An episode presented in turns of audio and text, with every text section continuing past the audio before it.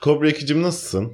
Nasıl olayım? Yani geçen haftaya göre tabii biraz daha iyiyim. Biraz daha toparladım. Biraz daha e, mantıklı düşünebilir hale geldim diyebilirim. Sen nasılsın Kobra Bircim? Senin de söylediğin gibi üzüntü tabii ki zamanla ve paylaştıkça azalan bir şey. Ama sanki böyle bu üzüntüm azaldıkça öfkem çoğalıyor. Onu yenemedim. O böyle e, gün içinde en az 10 kere gelen ağlama krizlerini, böyle üstünü başını yırtma halini bir tık aştım. Ama bu böyle birilerini yırtma arzusunu bir türlü aşamadım.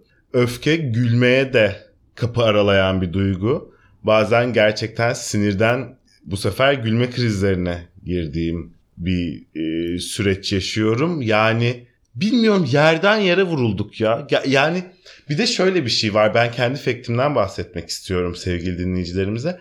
Bireysel olarak etkilenmedim ben bu depremden ama enkaz altında hissediyorum hala kendim. Yani bu bu korkunç bir şey. Veya enkaz altından yeni çıkarılmışçasına öfkeli hissediyorum. Enkaz altında bütün yakınlarımı kaybetmişçesine üzgün ve öfkeli hissediyorum kendimi. Hepimiz aslında hepimiz öyleyiz bence zaten. Ve sorumluluk sahibi olması gereken insanlar serin kanlılığı ta- tesis etmesi gereken insanlar böyle tam tersine ellerine birer körük almışlar. Bizim bu öfke ve üzüntü ateşimizi de körüklemeye Körükleme. devam ediyorlar. Bu durumda işte o öfkeyle zincirlerimizi koparmamıza sebep oluyor bence. Zincirlerimizi koparsak iyi, kayışlarımızı koparmamıza sebep oluyor işin kötüsü yani bir ay gibi geçen bir haftaydı açıkçası. Belki en son söyleyeceğimiz şeyi ilk başta söyleyeceğiz. Bu müteahhitler bir bir tutuklanmaya başladı biliyorsun.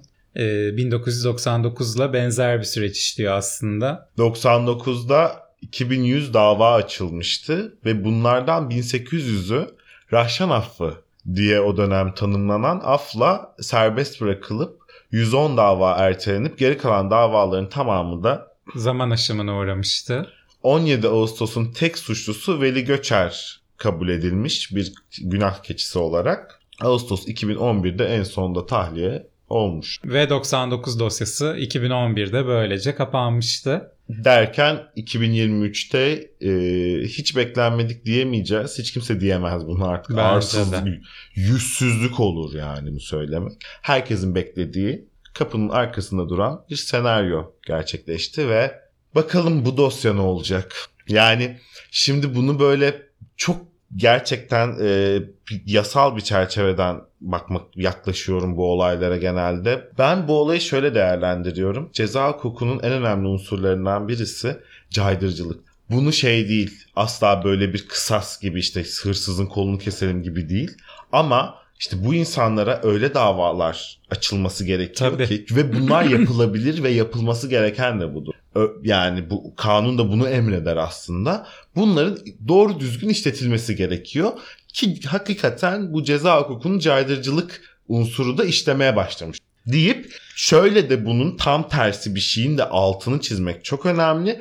Bu demek değildir ki tutup da yağmacı dövelim, tutup da insanları sokaklarda linç edelim göz altında efendime söyleyeyim hayatını kaybetti gibi haberlerle karşılaşalım. Bununla diğer arasında da hiçbir fark yok. Bu, bunu da aklım almıyor. Yani hak, evet caydıralım ama bu demek değildir ki yerde tuvalet sildirelim. Falan. Bu demek değildir ki kemerle dövelim, sopayla akla, dövelim. Akla gelinmeyecek şeyler yani. Neler neler. Ve neler. üzerle üzerinde benim devletimin polisinin üniformasını taşıyan insanlar bunu yap. Onlar kimdir, nedir, necidir bilemem ama benim gördüğüm görüntü tüyler ürpertici, insanlık dışı kim olursa olsun, ne suç işlemiş olursa olsun bu devletin, bu milletin hakimleri var, savcıları Savcılar var. var. Amiyane tabirle söyleyeceğim tutarsın ensesinden teslim edersin.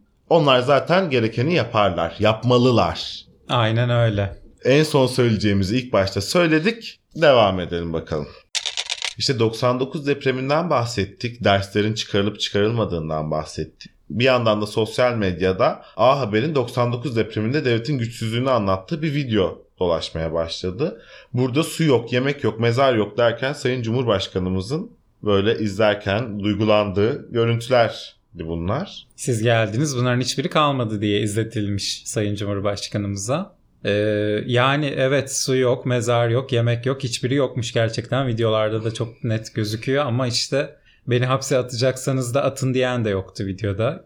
Oğlu isyan ederken kolunu sus artık diye çekiştiren babalar da yoktu muhabirler halkla konuşuyordu gayet. Aman bir şey söyleyecekler mi diye mikrofon kaçıran muhabir de yoktu. Bütün herkes işte nerede bu devlet, nerede bu millet seslerini çok net bir şekilde rahatla duyabiliyorduk. Yaşadıklarını kendi süreçlerini anlatabiliyorlardı. Mesela ambulansa binen insanlar o dönemde ilk önce yakınlarını soruyorlardı. Şimdi özel hastaneye götürmeyin beni param yok. Evet. Bu bir travmadır. Hayatım Günlerce geçen... enkaz altında kalmış. Ve ilk çıktığında aklına gelen şey bu. Paranın olmayışı. Hayatım geçen hafta söyledik enkaz başında babasının cenazesini bekleyen kıza gözaltı kararı vermişler ya. Yani bun, bu hani bununla ilgili söylenecek başka bir şey yok artık. Aynen öyle. Ve bir de bütün bunlara sebep olanlar çıkıp işte bu Rönesans rezidansı müteahhiti gibi tipler Savcılıkta diyor ki bizim binamız sadece yan yatmıştır. Herhangi bir çökme olmamıştır. Tutuksuz yargılanmak istiyorum. Yani böyle hani bunu söylettiklerine inanamıyorum beni. Abi devlet seni aslında tutuklu yargılayarak hayatını da koruyor şu anda. Şuursuz. Yani bence e, böyle bir güvensiz, gergin ve duygusal bir ortamda o göz altından çıkmak çok da akıllıca bir şey değil yani. Ama zaten bu adam çok da akıllıca kararlar veren bir adam değilmiş gibi gözüküyor. Ee, korkunç. Rönesans'ın fotoğrafları etrafındaki binalarda duruyor yani. Tabii. Bu böyle bir Jenga gibi yıkılmış ya. Ve yüzlerce kişi hayatını kaybetti bu enkazda biliyorsun. Yan yatar mı ya bir bina? Yüzlerce kişi temelinden kopup. Çok enteresan yani. Ve bu rahatlıkla çıkıp benimki sadece yan yattı öbürkününkiler de çamura battı. O zemin sıvılaşması olan yere yapanlarınki de çamura battı. Aa, ne güzel be yan yattı çamura battı memleketi yani. Binaların harçlarının içine nazar boncukları, deniz kabukları, efendime söyleyeyim abuk subuk köpük straforlar konmamış. Yan yatmış çamura batmış. Eyvallah yani. Yazık. Aa. Çok yazık. Vicdan kalmamış, kalp kalmamış, hiçbir şey kalmamış. Tabii bütün bunlar olurken de Karabük Üniversitesi Mimarlık Fakültesine depremden sonra Cuma günü İlahiyat Fakültesi mezunu Muhittin Kapan Şahin dekan olarak atandı. Bir de beyefendi büyük bir e, şeffaflık, evet, özgüven, bir miktarda şuursuzlukla dedi ki yani ben mimarlık eğitimi almış ve mimar gibi bir bilgiye sahip bir kişi değilim. Ya. E ona rağmen niçin o koltukta oturuyorsun canım sen? Gazeteciler henüz koparamadı kayışı. Henüz koparamadı. O zaman sen niye bu koltukta oturuyorsun diye soracak seviyeye gelemedi gazeteciler. E cevabı Ahmet Hakan Gülşen'e verirken vermişti İmam Hatipliler artık her yerde. Aynen öyle. Her yerde yani. Al İmam Hatipli olmayanı ne yapıyor? İmam Hatipliler her yerde de hadi mesleği hadi tutup e, mesleğini okumuşu ne açıklamalar yapıyor bir de ona bakalım. Yani o acayip enteresan. Türkiye Uzay Ajansı Başkanı Serdar Hüseyin Yıldırım geçmişte yaptığı bir konuşmasında depremlerin sebebini bir bilim kurgu hikayesi olarak anlatıyor. Amerika dört tane çubuk yerleştiriyormuş ve fayı harekete geçiriyormuş. Bir dakika öyle değil. Uzaydan, uydudan onlar o çubuklar uydulara yerleştiriliyormuş. Oradan o çubuklar atılıyormuş. O çubuk fark edilmeden, tespit edilemeden radarlar tarafından ve ne hikmettir ki atmosferde o hız yani fark edilemeyecek ve tespit edilemeyecek hızla hareket ederken yanmadan fay hattının içine girip o fay hattını tetikliyor. İnanılmaz. Yani beyefendinin uzay, uydular ve çubuklar üzerine çok ciddi bir hayal gücü var. Tebrik ediyorum kendisini. O zaman ben bu hafta bir araştırmacı gazetecilik yapacağım ve beyefendinin Abdurrahman Dilipak'la bir fotoğrafı olup olmadığına bakacağım. Bu açıklama bana e, bir arkadaşlık var gibi gösterdi. E, ben de kendisine bir müddet Kubrick'ten uzak durmasını tavsiye edeceğim. Belli ki bütün külliyatı bir gecede izleyip uyuyakalmış. Hepsi birbirine karışmış beyefendi de. Space Odyssey ile Ice White Chat'ı üst üste izlersen öyle uzaydan yağan demir çubuklar Hayal edersin. Yani. Fatih Altaylı bu arada zincirlerini ve ipini koparan gazeteciler arasında yerini almayı başardı geçtiğimiz günlerde. En çok konuşan gazetecilerden biri oldu gerçekten. Kendisi depremin nasıl olacağı, nerede olacağı hepsi yazılmış. Jeoloji Odası raporunu Kahramanmaraş Belediyesi'ne sunmuş. Belediye başkanı ben buna inanmıyorum demiş. Şimdi hayatını kaybedenlerin sayısına inanıyor mu acaba diye sormuş Fatih Altaylı da. İşte burada da çok büyük bir yanlış var belediye başkanında. Bilim böyle bir şey değil. İnanıp inanmayacağımız bir şey değil. Yani bilimle inancı birbirine karıştırmaya başladığı noktada bir problem var demektir. Yani işte bir noktada Hasan yani onun en uç örneği mesela Hasan Mezarcıoğlu. Anlatabiliyor muyum? Jeoloji bir bilimdir ve bunun o günkü haliyle raporladığı şeye inanmak veya inanmamak bu böyle bir tercih edilebilir bir şey değildir yani. Yani tabii burada e, şimdi yargılananları konuşuyoruz, müteahhitleri konuşuyoruz. E, önüne rapor sunulan belediye başkanı ben buna inanmıyorum dediyse benim şahsi kanaatimdir. Bu belediye başkanı hakkında da mesela ben soruşturma açılmasını ve yargılanmasını e, uygun buluyorum. Zaten. Şimdi bir kere ne münasebet. Bu senin uygun bulabileceğin bir şey değil. Zaten bu idarenin işleyişindeki kanunlarda yazan bir şey yani. Bu beyefendinin idari sorumluluğu var ve yerine getirmemiş. Bu kadar basit. Tabii ki bunun bir hukuki karşılığı var yani. Senin Ama... uy- ister istediğin kadar uygun bul bulma. Tabii. İki kere iki dört gibi bir şey yani.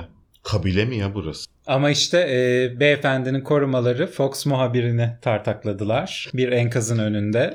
Yetmezmiş gibi bir de dört tane kaybı olan bir depremzedeyi tartakladılar. tartakladılar. Beyefendi de böyle kalitede bir adam yani. Beyefendinin korumaları da bu kalitede. Ama işte hiç şaşırtıcı değil. Yani hakikaten burada böyle e, Celal Şengör veya İlber Ortaylı gibi konuşmak istemem ama bu cehalet işte bu. Aynen öyle. Oradan geliyor. O bu şey ya, ya Shakespeare yüzlerce yıl önce söylemiş bunu. Danimarka krallığında çürümüş bir şeyler var. Var. Bir şeyler çürümüş bir şeyler kokuyor. İşte o koku her yerden bir anda sızmaya başladı yani. Bu yıkımla birlikte her yerden çürük kokusu sızmaya başladı. Hatırlıyor musun sana bu sezona başlarken Eylül ayında 2022 Eylül ayında dedim ki e, bir sürü habere denk geldim. Çürüyen ülke bölümü yapalım dedim sana. Çünkü e, orada eczacılarla ilgili bir şey vardı, sağlıkla ilgili vardı, eğitimle ilgili vardı. Hepsi de aynı haftaya denk gelmişti evet, bir şekilde evet. ve ülkenin her yerinden çürük kokusu Eylül ayından beri geliyordu ama senin de söylediğin gibi bu depremle birlikte gerçekten durulamayacak hale geldi yani bu koku.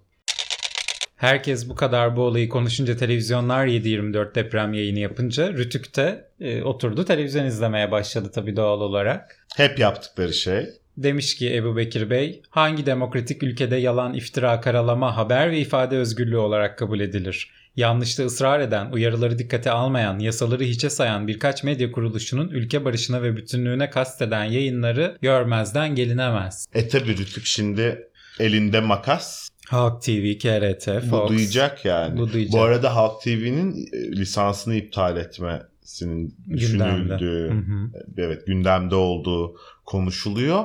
Umarız ki e, öyle bir şey olmaz ama olmaz dediğimiz her şey oluyor. Halk TV de kapatılır. E, Fox'un da lisansı iptal edilir.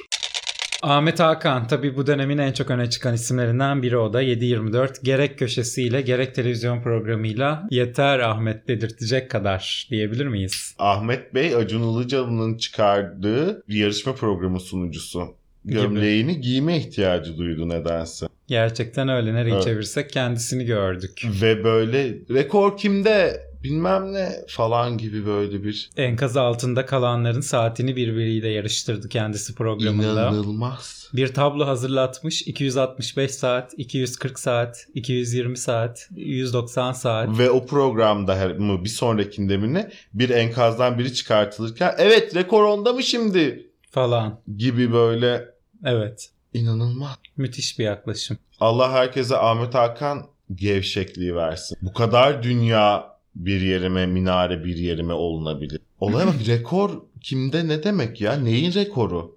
O gece öyle yatıp peki ertesi sabah nasıl böyle uyanabiliyor? Müteahhitlerden tabii ki hesap sorulsun. Ama müteahhitlere izin veren yerel yönetimlerden, onay veren mühendis odalarından, denetim yapılmayan belediyelerden de hesap sorulsun. Bak benim söylediğimi söylemiş Ahmet Bey de. Yıkılan binaların çoğunda mühendis odalarının onay süreçleri kaldırılmıştı.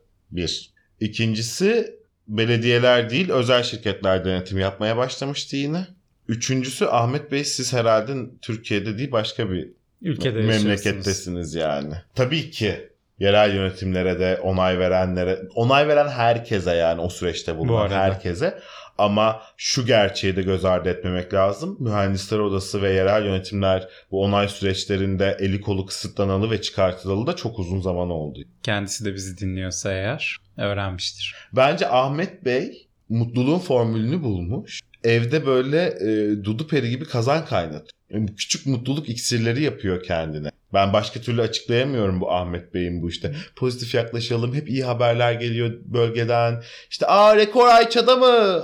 Ayça'ya alkış stüdyodan falan. Korkunç yani kan dondurucu açıkçası. Yani büyük mü hissediyorsunuz küçük mü Ahmet Bey bu ne yani? Kutumu açıyoruz ya.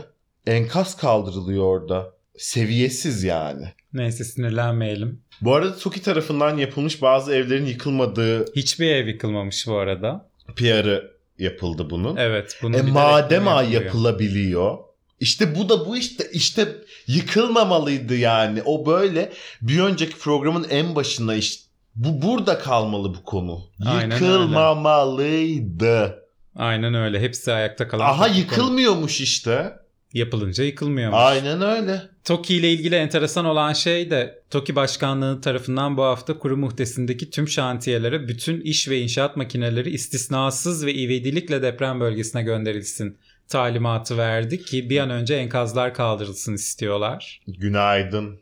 Günaydın yani. 10. gün.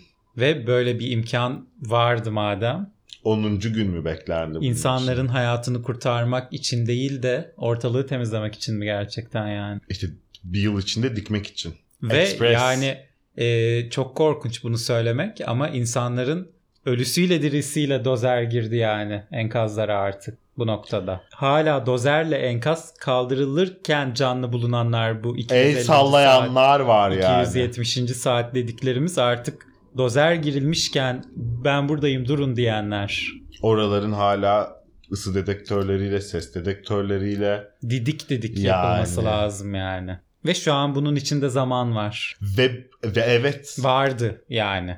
Belki de hala var işte görüyoruz. Hala birileri çıkartılabiliyor. Hala birileri yaşıyor orada yani. Ama işte böyle sen hadi artık enkaz kaldırıyoruz noktasına gelince de İspanyol görevliler tutup e, iş makineleri çalışmaya başladı bölgede. İş makineleri çalıştırmak demek orada artık yani neyse. İş evet. makineleri çalıştırmak demek bir cinayet diyorlar. Açık açık da bunu söylüyorlar. söylüyorlar. Biz bu cinayete ortak olmayacağız diyerek gittiler. Bu haber de bu hafta çok konuşuldu tabii. Hemen yalan haber, dezenformasyon yapıyorsunuz diye Fahrettin ya. Bey gerekli açıklamalarını yaptı. Ama işte öyle de olmadığı sanki her, görülüyor mu?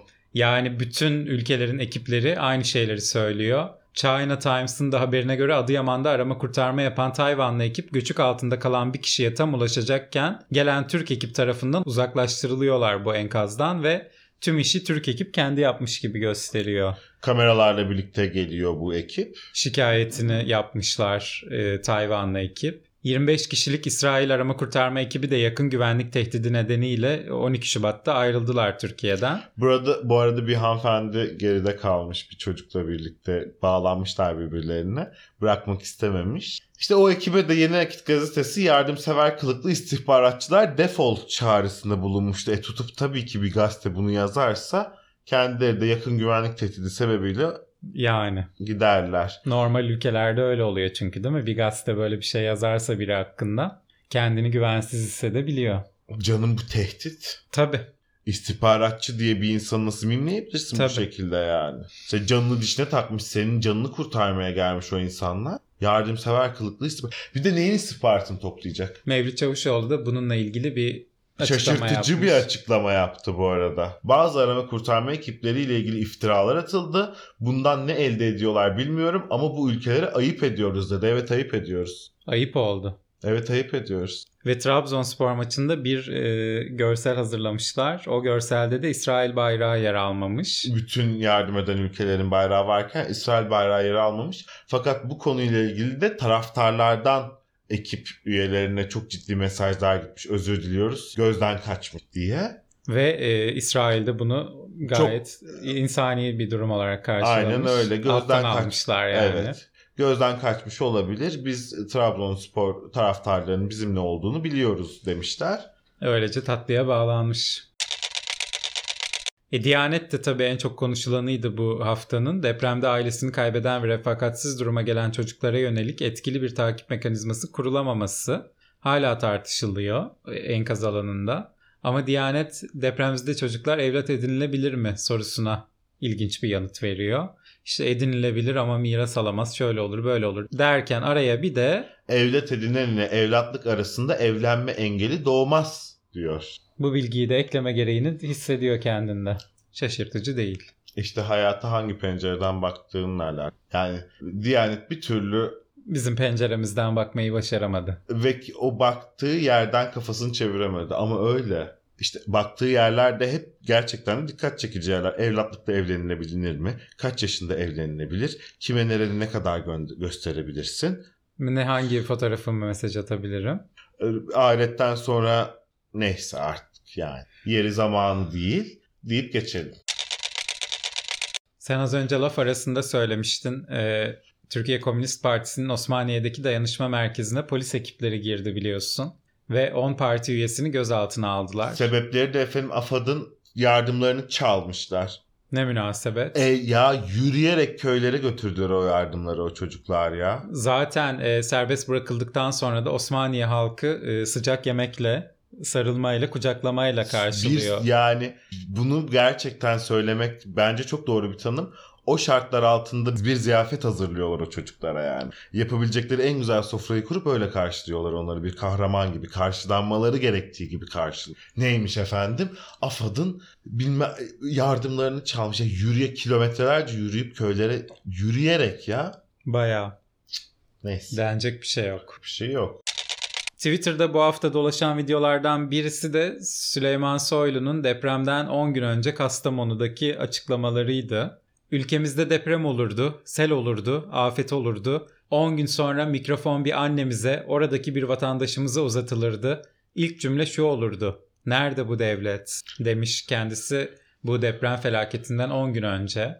Ve bu deprem felaketinde de görüyoruz ki mikrofon uzatılan insanlar, sesini duyurmaya çalışan insanlar, yardım talep eden insanlar artık bu yardımları devletten değil Haluk Levent'ten ve Oğuzhan Uğur'dan talep etmeye başladılar. Evet artık nerede bu devlet diye sorulmuyor. Devlet bize de bak, devlet bize de yetiş, elini bize de uzat denmiyor. Haluk Levent elini bize de uzat, Oğuzhan Uğur elini de bize uzat. Ola ki yanlışlıkla birisi de nerede bu devlet diyecek oldu. Ona da çok şükür televizyon kanallarımız anında müdahale ediyor. Hiç neredeyi duyuyoruz sadece bu devlette hemen hop ses alınıyor zaten. Bir, bir ve bir bakıyorsun koskoca mikrofonlar yok olmuş. Ah, ne, nereye saklayıverdin onu o kadar hızlı el çabukluğuyla? Ne marifetler var ne yetenekler var muhabirlerimizde. Hayretle ve hayranlıkla izliyorsun.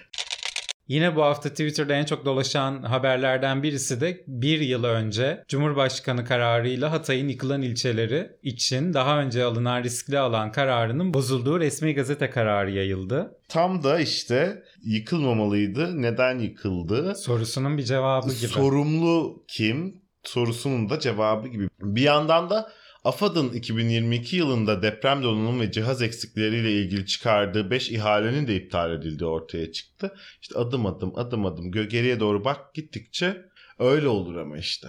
Böyle evde de mesela salonda otursun yap aa çürük kokuyor dersin. Böyle koklaya koklaya gidersin koridora, bakar banyoya, mut, mut, abi bakarsın mutfakta daha yoğunlaşıyor falan. Girersin, bulursun. Aynen öyle. Aynen yani ye, evet. bulursun. Bir pazar günü markete gidip yenisiyle de değiştirirsin diye düşünüyorum. Enkaz altında kalan kişiler enkazdan çıkarılırken Allahu Ekber nidalarıyla çıkarıldı biliyorsun ve pek çok kişi de nedenini sorgulama ihtiyacı hissetti tıpkı bizler gibi. Hatta e, bu kişilerin e, gayet temiz, düzgün giyimli olduğu, bir depremzedeye benzemediği ve dahi sanki görevlendirilmiş gibi orada bulundukları spekülasyonları da yapıldı.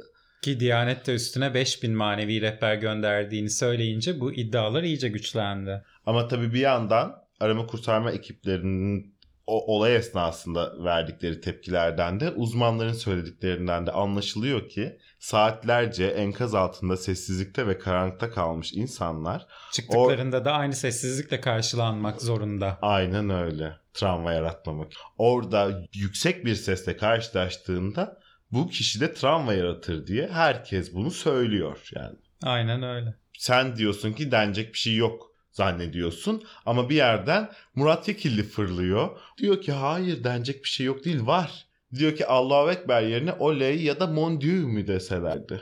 Yok düşlerinde büyürüm büyürüm kabusun olur ölürüm deselerdi. Allah'ım ya Rabbim yani gerçekten e, ilahiyatçı Nazif Ayda demiş ki burada bırakın tekbir getirmeyi başka herhangi bir sesle gürültü meydana getirmek enkaz altındaki o insanların sesini bastırmaktır. Bu başlı başına bir cinayettir. İlahiyatçı söylüyor bunu. Ama e, Diyanetimizin rehberleri de gidiyor polis arabalarından polis megafonlarıyla beş vakit ezan okuyorlar hamdolsun ki. Yani orada hassas işitme cihazlarıyla minicik kalp atışları aranırken sağ olsun imamlarımız, müezzinlerimiz büyük bir can havliyle ellerinde megafonlar ezan okuyorlar beş vakit ve bu semada ezanlar dinmiyor. Ne kadar güzel. Ne kadar güzel. Şimdi e, İstanbul depremine gözler çevrildi tabii orada deprem olunca. Ve tabii İstanbullular da Canıraş evlerini kontrol ettirmek istediler. E, İBB'nin zaten böyle bir projesi varmış ama gidilen evlerin %60'ı binaya sokmamış görevlileri daha öncesinde. Çünkü belediye eğer oturulmaz bu binada diyorsa biliyorsun ki çıkmak zorundasın 60 gün içinde. Elektrik kesiliyor, su kesiliyor, mecbur bırakılıyorsun. Şimdi bunun olmadığı bir hızlı denetim evet. başlatmış İstanbul Büyükşehir Belediyesi. Eğer ev sahibiyseniz belediyeye başvurup e, hızlı bir yıkım denetimine tabi tutuluyorsunuz ve karşılığında bir yaptırım olmuyor. Yani e, binayı boşaltmak zorunda kalmıyorsunuz. Elektriğiniz, suyunuz, doğalgazınız kesilmiyor. Size sadece binanızın depreme dayanıklı olup olmadığı raporu veriliyor. Aynen öyle ve e, 1999 ve öncesinde yapılan binalar için geçerli ilk etapta sadece. E tamam acil bir eylem planı tabii. olarak olabilir tabii. Asrın felaketi olarak tanımlıyor AK Parti başımıza gelen bu depremi biliyorsun. İletişim Dairesi, dairesi e, Algı Yönetim Merkezi Başkanlığı biliyorsun. Bunun asrın felaketi olduğuna bizi ikna etmeye çalışıyor. Öyle uygun görmüşler. O yönde değiştirmeye çalışıyorlar ama tabii Twitter hesaplarını kapatmak zorunda kaldılar. Bu videoyu geri çekmek zorunda kaldılar. Videoda yer alan isimler e, açıklamam Türk hükümeti tarafından apaçık bir şekilde çarpıtılmıştır gibi ifadelerle kendilerini savundular. Yani şöyle ben o videoya denk geldim. Çok kısa süre kaldı Twitter'da. İşte şu kadar büyükte, bu kadar atom bombası bilmem ne, bilmem ne. 20 atom bombası şiddetinde falan diye böyle. Ve izleyince şey oldum böyle. Et, aa çok özür dileriz o zaman bir köşede sessizce ölelim ya. Rahatsız ettik pardon. Kusura bak. Yani çok özür dileriz biz hiç olmamış gibi davranalım. Biz bir köşede sessizce ölebiliriz hiç sorun değil pardon. Neyse. Kılıçdaroğlu bu olayla ilgili uzun uzun açıklamalar yaptı. Uzun uzun tepkiler gösterdi. Ama tabii en dikkat çekicisi İletişim Dairesi Başkanı Fahrettin Altun'a vitaminsiz Göbels demesi dedi. oldu. Ve Fahrettin Bey vitaminsiz lafına çok alınmış. E ama normal çünkü kendisi Göbels'i okuduğunu ve çok beğendiğini zaten beyan etmiş birisi yani. Evet söylemişti değil mi? Söyledi bunu, bunu yani. Yani ve Kılıçdaroğlu demiş ki asrın felaketi demiş beyefendi. Bu ülke için asrın felaketi tek adam rejimidir. Açıkça söylemek gerekirse Erdoğan'dır. Açıkça söylemek gerekirse vatandaşlarımızın kanı bu iktidarın ellerindedir demiş. E, Kılıçdaroğlu da herhalde kayışı koparanlardan oldu artık. Kesinlikle bu hafta bütün açıklamaları bu yöndeydi. Hepsi çok sert, hepsi çok köşeli açıklamalardı. E, bu arada tabii Deniz Baykal'ı kaybettik. O da Kemal Kılıçdaroğlu için önemli bir isimdi. E, Deniz Baykal benim de kişisel tarihimde önemli bir isim biliyorsun. O yüzden spekülasyonlara sebebiyet verecek açıklamalarda bulunmak istemiyorum. Ölmüş, gitmiş artık. Allah rahmet eylesin demekten başka şansımız Yapacak yok. Yapacak bir şey yok. Geride kalanlara da başsağlığı dileyelim. Ee, Sayın Cumhurbaşkanımız cenazede Kılıçdaroğlu, İmamoğlu ve Davutoğlu'nun ellerini sıkmadı. Muharrem İnce ile tokalaştı sadece. Ve, ve Muharrem Bey de kendisine yer açtı. Birlikte saf tuttular yan yana, omuz omuza. Enteresan, kardeş kardeş. Dikkat çekici. Enteresan değil dikkat çekici. Enteresan çünkü böyle şaşırtıcı ve hayret verici. Hiç şaşırtıcı değil. Hiç şaşırtıcı değil ama dikkatte çekiciydi. Bir sonraki günde Erdoğan çifti Deniz Baykal'ın ailesine taziye ziyaretinde bulundu. Evlerine ziyarete gitmişler. Aslı Hanım çok memnun olmuştu. Aslı Hanım'ın hayallerinin gerçek olduğu bir gün tabii bu. Evet. Bu arada bu cenazeyle ilgili çok dikkat çekici başka bir şey oldu. Twitter gündemine geldi. Ee, Kemal Bey'in namaz na- kılma şekli. Üslubu, artık tavrı ne derseniz deyin yani. Beğenilmedi efeme söyleyeyim. Çok Twitter'daki e, İslam alimleri tarafından uygun bulunmadı. Ve bu adam bir de bir de bunun işte argümanı olarak dendi ki ve bu argüman baz alınarak dendi ki bu adam bir de devlet yönetici. Ne alakası var yani bu arada? Yani devlet bir de hani beyefendinin Cumhurbaşkanlığı adaylığı konuşuluyor neden bu insanlar beyefendi halifeliğe adaymış gibi tepkiler verdiler namaz kılma şekline bilmiyorum yani. Beyefendinin ne bir ilahiyat fakültesi geçmişi var ne bir imam hatip geçmişi var ne bir bu konuyla ilgili bir iddiası bir söylem bir şey var. Aynen öyle. Yani beyefendi kendisi layık, sosyal, demokratik hukuk devletinde siyaset yapan ve yapmaya devam eden birisi. İstediği gibi namaz kılabilir bence. Kimseyi ilgilendirmez yani. Bence de öyle. Kızılay gündemdeydi tabii ki doğal olarak. Ben çocukken hatırlıyorum bu Kızılay ile ilgili. İki kişi aynı giysiyi giydiğinde Kızılay mı dağıttı diye sorulurdu. Kızılay çadırı diye bir şey vardı.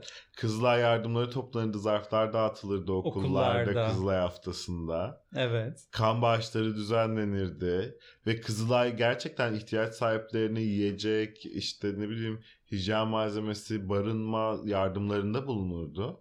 E o ah, eski günler o günler o günler olmuş yani o. Ki Kınık'ta aynı benzer bir şey söylüyor. Kızılay'ın sivil savunma mekanizmasının FETÖ tarafından çökertildiğini iddia etti Kerem Kınık. Fatih Portakal'ın YouTube canlı yayınında. Enteresan tabii.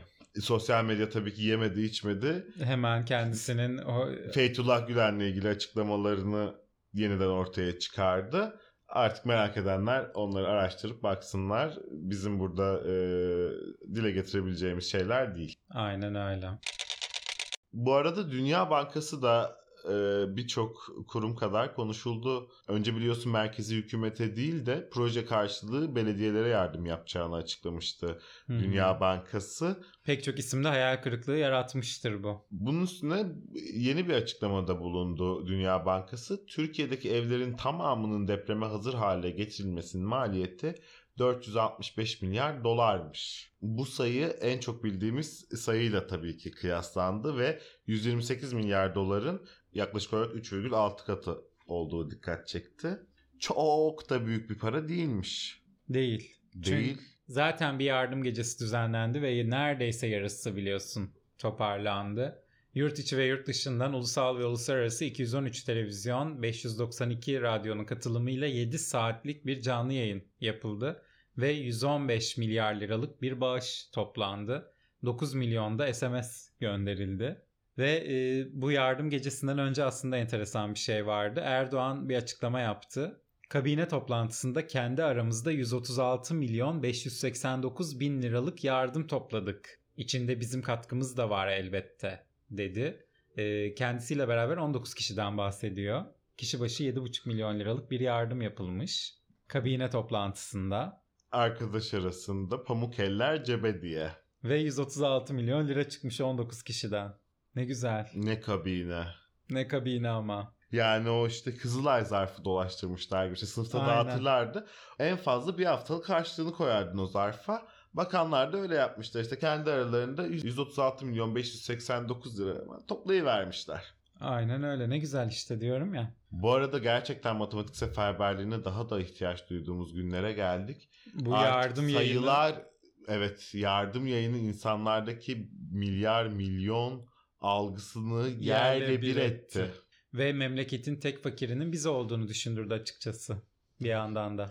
Bir yandan da inanılmaz bir şekilde sanki de devlet bir cebinden aldı öbür cebine koydu. Bunu yaparken de bunu bize izletti yani. Bizim paramızı gözümüzün içine baka baka bize geri dağıttı yani. Bu gecede toplanan 114.7 milyar bağışın 89 milyarı kamu kurumu, kamu çoğunluk hisseli şirket ve kamu bankalarından geldi. Senin de dediğin gibi. Zaten devletin Merkez Bankası 30 milyar TL bağışladı. Böylece de her birimiz 357 lira bağış yapmış olduk. Bu tabii hakikaten akıl almaz bir şey. Böyle bir reklam kampanyası herhalde dünya tarihinde görülmemiş. Merkez Bankası açıklama yaptı işte bunu yıllık gelirimizden yaptık diye. Senin zaten yapman gereken şey o yıllık geliri olduğu gibi bütçeye devretmek ve bütçeyi planlayan devlet görevlilerinde yapması gereken şey onun ne kadarı gerekiyorsa hatta gerekiyorsa fazlasını borçlanarak deprem bölgesine Aktarma. aktarması demek yani.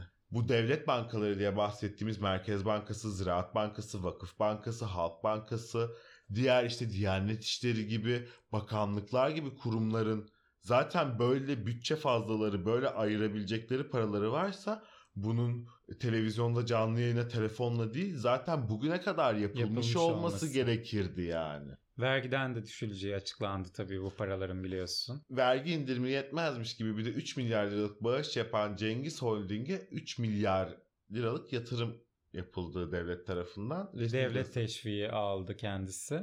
Allah işte bir yerden alıyor bir yerden veriyor. Yardımını yapıyorsun hemen karşılığını alıyorsun. Tabii İyilik, iyilik yap denize at gibi. Hemen karşılığını alıyorsun yaptığın iyiliğin. Ee, tabii deprem zamanından geçiyoruz. Denizin çok hızlı Aktığı. bir dönemdeyiz. Hemen bak karşılığını buluyor iyilik. Yani bir de gerçekten bunlar nasıl paralar aklım fikrimi almadı benim. Nasıl kazançlar, nasıl paralar. Birisi çıkmış 200 milyon lira başlayacağız diyor. Acun diyor ki 250 yapalım sonra diyor ki 300 300'e yapalım. yuvarlayalım. Bak adam 3 milyar TL bağışlamış ya. Hayal edemiyorum yani eski parayla bile düşünsem düşünüyorum 1 trilyon, 2 trilyon, 100 trilyon, 200 trilyon, 300, 999 trilyon ve 1000 Kat trilyon. tıkanıyorsun yani. yani. Ve o 1 milyar TL yapıyor. İnanılmaz. İnanılmaz. Nasıl kazandınız bu paraları?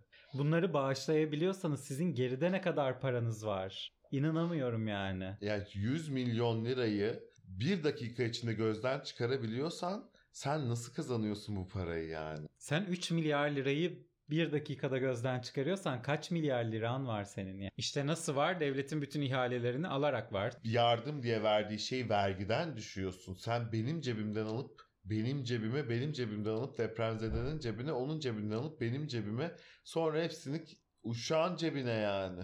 Bu yardım gecesinde önemli e, yardımlar da yapıldı. İstersen onlardan bahsedelim. Hatta yapılmayan bir yardımdan bahsedelim. Tansu Çiller de yayına bağlanıp konuştu, konuştu, konuştu, konuştu. İyi geceler dedi, kapattı telefonu. En enteresan anlarından biriydi gecenin. E işte morale de ihtiyacı var insanların diye düşündü herhalde. Olaya birazcık daha Ricky Gervais gibi yaklaşmış demiş ki kara mizah yapayım ben de. Madem öyle bir moral vereyim insanlara demiş. Yani ki Tansu Hanım'ın sevdiği bir şeydir biliyorsun kara mizah.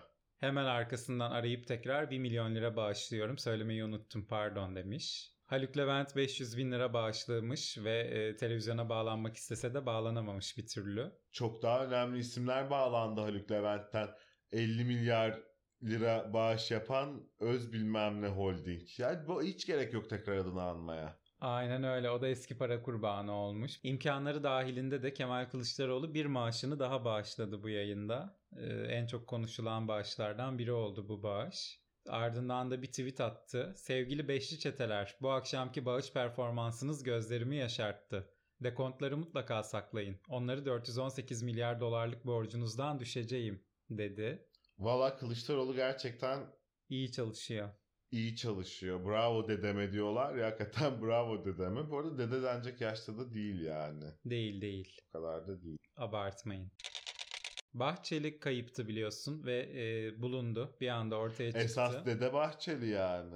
Aynen öyle. E, kendisi grup toplantısında devleti bir kenara itip ahbap çavuş ilişkisi içinde yardım toplanması bizim nazarımızda yanlıştır. Devletin yetişemediği ne vardır da ahbapçılar ve babalacılar akbaba gibi kanat çırpmaktadır demiş kendisi.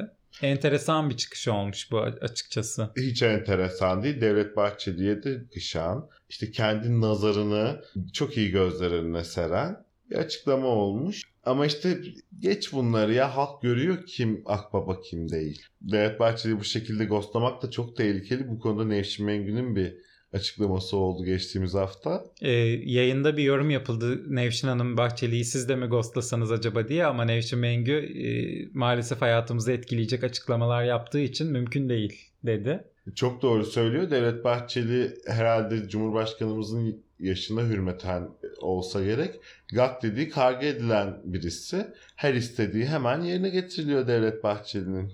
Aynen seçim diyor, öyle. seçim diyor, seçim referandum diyor. Referandum biliyorsun. O yüzden Devlet Bahçeli'yi ghostlamak tehlikeli. Çok önemli ve hayatımızı derinden etkileyen açıklamalar yapıyor. Konunun tarafları kendisinin eksik bilgilendirildiğini düşündüler. Çünkü e, birkaç gün önce MHP'li isimler Haluk Levent'le birlikte e, deprem bölgelerindelerdi. Birliktelerdi gayet. Garip. O açıdan garip yani. Bahçeli'ye bunun ulaşamaması garip. E, Haluk Levent de kendisiyle ilgili bir kampanya başlatıldı biliyorsun. E, Haluk Levent 1 milyar lirayı nasıl yönetecek diye hiç yakışıklı olmayan Hacı Yakışıklı başta olmak üzere pek çok köşe yazarı e, tweet attılar bu konuyla ilgili. Aynı anda aynı gece. Bir de bu iletişim çalışmalarının da busuna hastayım yani. Gerçekten bunun bir Müthiş operasyon organize. olduğunu hissettirircesine ama. Hepsi aynı anda. 21 ise konuşulan saat 21'de Hacı Yakışıklısı da turuncu montlusu da işte ötekisi de berikisi de hepsi 21'de Haluk Levent'e ne kadar güvenmeliyiz temalı farklı metinlerini tweet atıyorlar. Aa aynı anda geldi hepinizin aklına. İşte yani bu organizasyon AFAD'da olsa kaç kişi kurtarılırdı siz düşünün. Aynen öyle. Diyoruz ya en çok çalışan kurumu iletişim başkanlığı oldu. Öyle, öyle. Son bu 15 gündür Türkiye Cumhuriyeti'nin en çok çalışan kurumu gerçekten iletişim başkanlığı. Kurulduğu günden beri en iyi performans sergileyeni. Yazık yani ne diyeyim ki? Soluksuz çalıştılar ya. Ne diyeyim yani? Haluk Levent de bir açıklama yapma gereği hissetti. Bütün bunların üstüne hiç merak etmeyin AFAD'la zaten koordineli çalışıyoruz. Parayı ne yapacağım çok soruluyor. TOKİ ile koordineli bir şekilde e, ev yapımlarına harcayacağız bu parayı ve hiç merak etmeyin bütün süreçlerinde yine ahbap olarak e, denetleyeceğiz, biz takip edeceğiz dedi. Ev yapılmadan para vermeyeceğiz hiç kimseye dedi. Yani bir şekilde ortak nokta bulunacaktı. Belli ki e, hükümet tarafının e, Haluk Levent'in bu parasıyla ilgili başka planları vardı. Haluk Levent de tamam ne olur faaliyetlerimi sonlandırmayın. AFAD'la yapalım. E, işte evleri TOKİ'den yaptırayım dedi. Bilmem ne bir şekilde orta yolu buldular yani diye düşünüyorum. Mecbur bırakıldı gibi. Ben zannetmiyorum gerçekten Haluk Levent peşini bırakmaz mı? Öyle gözüküyor. Öyle gözüküyor. 99'dan onun da görüntüleri çıktı biliyorsun. 99'da da enkaz başında moloz taşıyormuş kendisi. Tabii çok say say bitmez çok ilginç isimler vardı deprem bölgesinde. Yani KK'lı as subaylar mı istersin? Japonya Öz Savunma Kuvvetleri mi istersin? Kimler kimler? Meksika'yı mı istersin? Bütün dünya ya Bütün gerçekten dünya oradaydı. hiç kimse Tek kayıtsız kalamadı. gerçekten. Çok duygulandıran şeyler oldu tabii ki. Japonya Öz Savunma Kuvvetleri'nden bahsetti. Kendilerinin maviye olan sevdamız Selanik'te açılan bir çift mavi gözle başladı yazılı. Üzerinde de Atatürk'ün portresinin olduğu bir böyle Arma. armayla geldi deprem bölgesine. Umarım e, şeyle yapay zeka ile yapılmış bir görsel değildir de boşuna bu kadar duygulanmıyoruzdur. Çünkü etkileyici bir görüntüydü gerçekten. Ve tabii aslında en çok bu süreçte konuşmamız gerekenler depremzedeler bence. Birebir etkilenenler ve e, şu an hayatta olan herkesin en az bir yakını yok artık. Yani düşünemiyorum yarattığı travmayı. Uyandığında şehrinin yok olması, sevdiğin insanların yok olması. Twitter'da dolaşan pek çok video var bu konuyla ilgili. Yürek burkan videolar. bütün bu yürek burukluklarımızı, kayıplarımızı yine Sayın Cumhurbaşkanımız sarıp sarmalayacak. Depremzedelere kayıp sayısı kadar 100 bin TL yardımda bulunacak. Artık bir depremzedenin TL karşılığı da yine Sayın Cumhurbaşkanımız tarafından belirlenmiş oldu. İnanılmaz. Korkunç, korkunç. Korkunç. Yani Öfke, ya ne öfkelenmek desen olmuyor, ne desen olmayan yerlerde işte dolanıyoruz. Yani insan öfkelenmekten yorulur mu ya? Gerçekten yani. Türkiye'de dönüyor dolaşıyor. Buna da dikkat çekmek lazım. İlk önce eğitim feda ediliyor. Yani evet depremzedeler ne olacak? Tabii kocaman bir soru işareti oldu. Nerede kalacakları sorusu gündeme geldi. Ee, Cevap da çok çabuk bulundu. Yurtlar var dendi. Aynen öyle. Çocuklar hadi bakalım apar topar kapı önüne Çöp gidemeyenlere, poşetleriyle. gidemeyenleri çöp poşetlerine haydi bakalım depremzedeler geliyor dendi. E doğal olarak insanlar da döndü dedi ki ya bu devletin misafirhaneleri, bu şehirlerde oteller, ne bileyim boş apartmanlar, eşyalı daireler bir şey yok mu yani? Nagihan Alçı bile üniversiteler derhal açılmalı. Büyük bir yanlış yapılıyor derken üstelik E, YÖK Başkanı da Cuma günü bir açıklama yaptı. Nisan başında yüz yüze eğitim imkanını da tekrar konuşacağız merak etmeyin dedi. Ama tabii yani e, şimdi depremzedenin psikolojisinden de hiç anlamamak gibi bir durum var ortada. Yurt odasına koydun o insanları. Nisan ayında aa pardon deyip tekrar nereye alacaksın mesela? Aynen öyle. Başka bir yere. Zaten evi, barkı, mahallesi, sokağı, şehri yıkılmış. Bir düzeni bırakmış, hiç tanımadığı bir düzene geçmiş. Aa, Daha da tanımadığı bir düzene geçiriyorsun oradan onu. Hadi aa bu da olmadı pardon deyip sonra onu alıp başka bir yere. O çocuk oyuncağı gibi insanları Elden ele koli taşır gibi yani. yani dehşet verici. Dehşet. Her her açıdan e, bir felaket yani bu konu. Asrın felaketi gerçekten. Gerçekten öyle bu konuya olan yaklaşım Asrın felaketi. Bütün bunlar yaşanırken birileri de tutuyor diyor ki acaba seçim olur mu olmaz mı ertelenir mi kalır mı? yani bu konuda da en büyük ses Bülent Arınç'tan çıktı. Seçimler ertelensin diye 3 sayfalık bir mektup yazdı ve Twitter hesabından paylaştı. Bu 3 sayfalık mektupta şu tarihe ertelenirse şöyle yapılır, bu tarihe bayağı detaylı detaylı kurmuş ve mektubun başında da diyor ki şimdi zamanı değil ama arkasından 3 Biliyor sayfa. da bir de zamanı olmadığını yani.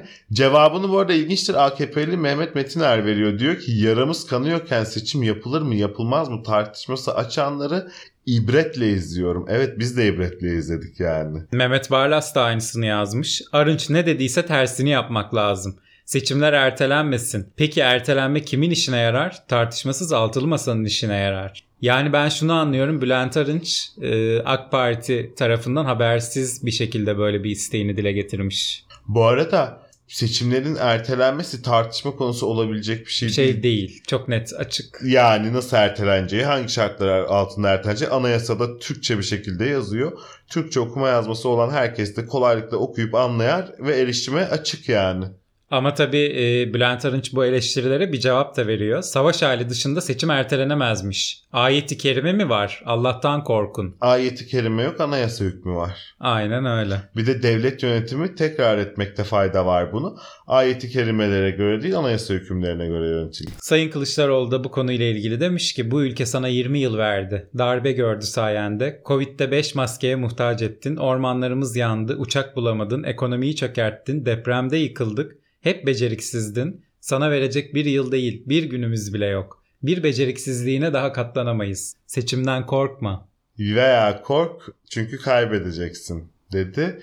Vallahi Kemal Kılıçdaroğlu bu hafta adeta Kobra 3 olarak aramızdaydı. Sen onu bir tane kilden kobra yaparsın gönderirsin en kısa zamanda. Bir altın kobra heykelciyi de Kılıçdaroğlu'na gönderelim. Ve AKP'li Mehmet Metiner bir soru daha sormuş aslında. Aslında her şeyin bir yandan cevabını da veren bir soru olmuş. Sözde soru cümlesi olmuş. Bu demiş ki Erdoğan'dan önce böyle bir Türkiye mi vardı? Yoktu. Gerçekten Erdoğan'dan önce böyle bir Türkiye yoktu. Ama işte Erdoğan 2002'de söyledi bundan sonra hiçbir şey eskisi gibi olmayacak dedi ve sözünde de durdu. Hiçbir şey eskisi gibi değil artık Türkiye'de. İşte bazı şeyler de eskisi gibi. Dünyada çok ilginç şeyler oluyor. Hadi ondan da bahsedelim ve bu haftayı bitirelim. Belki şimdi bazı kişilere de ilham olur bu haberimiz diye özellikle sona bırakmak istedim ben açıkçası. İskoçya Başbakanı Nicola Hanım 8 yıldır sürdürdüğü görevinden istifa etti. Siyasetçi olmanın yanı sıra ben bir insanım. İlk andan itibaren iyi hizmet vermenin yollarından birinin zamanı geldiğinde görevi bırakmayı bilmek olduğuna inandım. Demiş. Ne büyük bir erdem. Hanımefendiyi gerçekten canı gönülden tebrik ediyorum. Diyelim. Ve yavaş yavaş sonlandıralım. Haftaya umarız daha iyi haberlerin geldiği bir hafta olur da belki hafif de olsa gülümseyebilir.